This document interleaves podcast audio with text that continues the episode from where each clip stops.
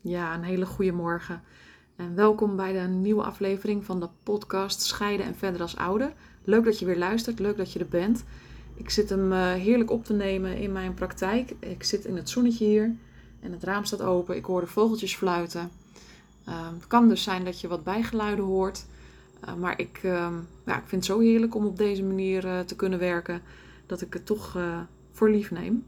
Um, ik wilde vandaag een, uh, een, onderwerp met jullie delen waar ik in de praktijk vaak vragen over krijg.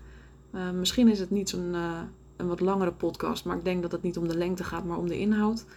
Um, en vandaag wilde ik eigenlijk de vraag bespreken of delen met jullie: is een scheiding slecht voor je kind? Een vraag die ik vaak krijg, die vaak onderling ook besproken wordt, waar ook veel meningen over zijn, denk ik. En um, zoals ik er naar kijk, natuurlijk is scheiden niet het meest ideale. Je gaat niet um, met elkaar verder om vervolgens in de toekomst uh, te gaan scheiden. Uh, en een relatie is altijd natuurlijk op basis van liefde. En het is natuurlijk ook um, in mijn ogen in ieder geval heel teleurstellend als het niet lukt. Voor iedereen is het een teleurstelling als het niet, niet lukt. Dus um, dat vooropgesteld. Maar als er dan een scheiding is, um, dan denk ik dat het zo is dat niet een scheiding per definitie slecht is voor kinderen, maar dat de wijze waarop je als ouders omgaat met de scheiding en hoe je het regelt slecht kan zijn voor je kind of kinderen. Um, het is natuurlijk voor kinderen een zeer ingrijpende gebeurtenis.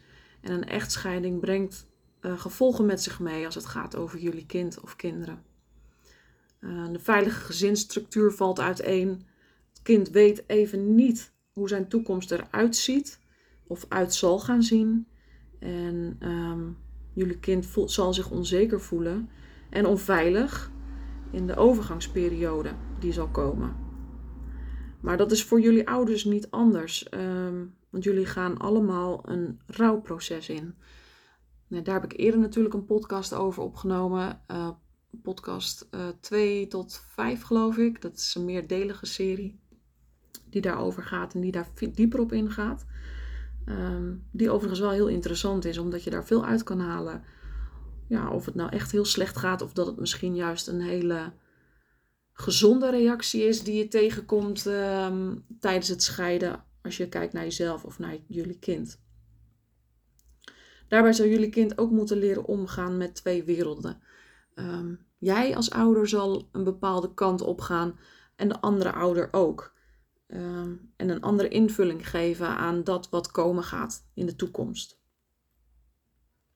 Nou, belangrijk voor de verwerking van de scheiding voor kinderen is ook de wijze waarop jullie als ouder dus de scheiding regelen en hoe jullie uiting geven um, aan deze situatie, aan dit proces.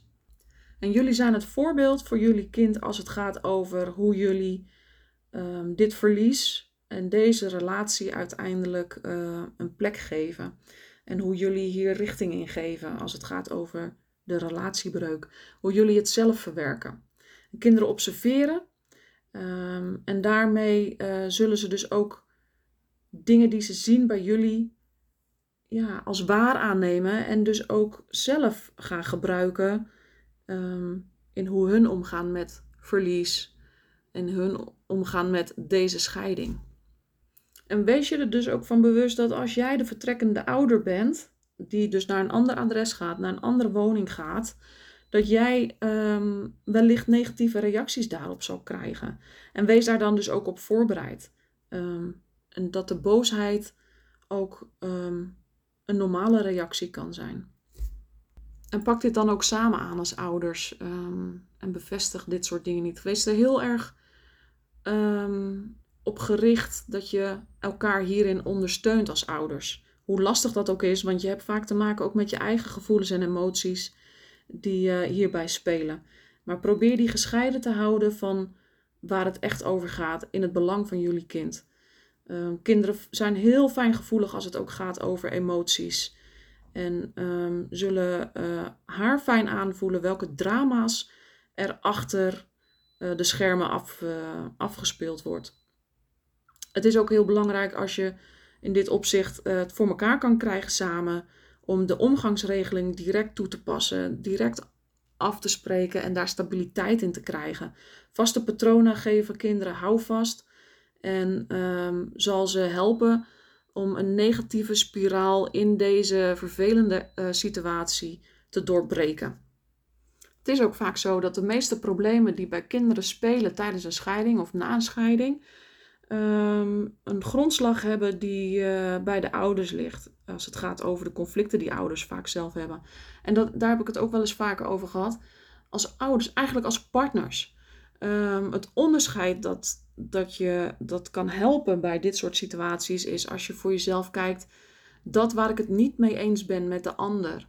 Gaat dat over het ouderschap of gaat dat over de relatie? Als, uh, als je gaat scheiden, scheid je omdat je geen relatie meer met elkaar wil.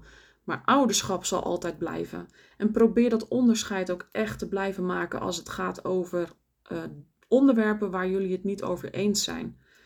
Um, op het moment dat jullie kind of kinderen daar uh, ja, iets van oppikken, zal dat uh, zich uiten in gedrag, um, in prestaties op school, uh, niet meer naar de andere ouder willen.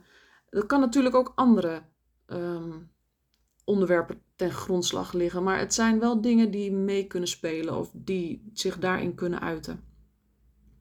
Ook kan je dat vaak zien als kinderen misschien gaan tekenen of gaan spelen. Hoe ze bepaalde situaties interpreteren en wat ze opvangen. Heel interessant om daar dan ook wat meer aandacht op te, um, aan te geven. Uh, te observeren wat je kind doet en hoe het speelt. Kinderen vinden het ook fijn om um, te weten wat er precies gaat gebeuren.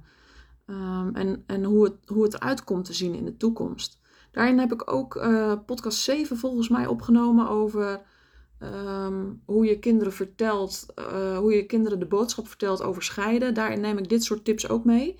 Uh, luister die ook vooral even. Um, omdat, daar ook in, omdat ik daar ook in aangeef wat je. Um, het is leeftijdsafhankelijk, laat ik het zo zeggen. Dus dat is ook belangrijk uh, dat je dat meeneemt in wat je wel en niet zegt. Maar dat je ook wel eerlijk bent over de dingen die je misschien zelf ook nog niet weet over de toekomst. En dat dat ook best dat dat, dat, dat oké is. Um, als het gaat over um, bijvoorbeeld wanneer uh, het kind naar papa of naar mama gaat, heb je ook hele mooie um, uh, tools voor, planningsborden, laat maar zeggen. die, je, die je op kan hangen op de kamer en die met figuurtjes, magneetjes, plakketjes werkt. En dat een kind precies kan zien wat gaat er vandaag gebeuren, wat gaat er morgen gebeuren. Wanneer ben ik bij papa, wanneer ben ik bij mama. En dat geeft houvast, dat geeft een gevoel van veiligheid, uh, overzicht. En dat helpt je kind echt om uh, op een positieve manier met de scheiding om te gaan. Um, ik weet uit uh, de praktijk dat dat echt als heel positief wordt ervaren. Ik zal daarvan een link delen in de show notes over zo'n zo'n voorbeeld van een planningsbord. Uh, wat echt een aanrader is. Um, ja, dus dat eigenlijk. Um, dus een scheiding, ja, is dat nou echt slecht voor je kinderen? Natuurlijk zie je het graag anders. Als het zo is, dan denk erover na hoe jullie het oppakken als ouders. En hou de onderwerpen die gaan over ouderschap bij, bij het thema ouders dat jullie de pet als ouder op hebben, laat maar zeggen, laat ik het maar zo noemen. En dat als het onderwerpen gaat over het verdelen van dingen, um, nou ja, de dingen die gaan over jullie relatie, dat dat gaat tussen jullie en niet over uh, de kinderen. Probeer dat onderscheid echt te maken. Dat is eigenlijk wat ik voornamelijk met jullie uh, wilde delen. Um, wat mijn kijk daarop is. Um, en natuurlijk zijn er ook, iedereen mag zijn mening erover hebben, maar dit is hoe ik er naar kijk. Vind je het nou lastig? Heb je er um, moeite mee? Lukt het je niet altijd? Of heb je zoiets van, ja, maar hoe dan? Het is leuk allemaal wat je vertelt, maar hoe dan? Neem dan vooral even contact met me op. Um, ik kijk graag even met je mee. Uh, dan kunnen we een gratis uh, uh, sessie plannen waarin ik je meeneem, waar, waarin ik je tips geef over hoe het in jouw situatie misschien um, goed toepasbaar is.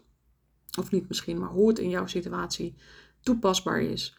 Um, en dan uh, kijk ik dus graag even met je mee. Voor zover heel erg bedankt weer voor het luisteren van deze nieuwe aflevering. Ehm, en heel graag weer tot een, eh, tot een volgende keer. Ik wens je een hele fijne dag. Geniet van het mooie weer. Doei doei!